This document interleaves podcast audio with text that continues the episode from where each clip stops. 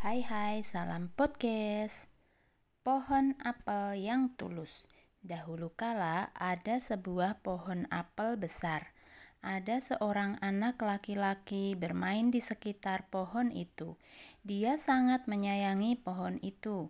Pohon itu juga senang bermain bersamanya. Waktu berlalu, anak laki-laki itu tumbuh dewasa.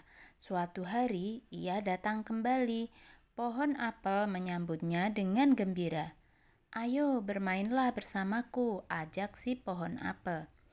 Ah, aku tak punya waktu untuk bermain.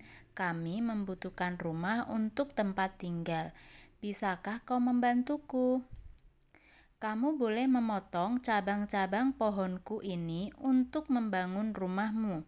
Jadi, anak laki-laki itu memotong semua cabang pohon dan pergi dengan ringan.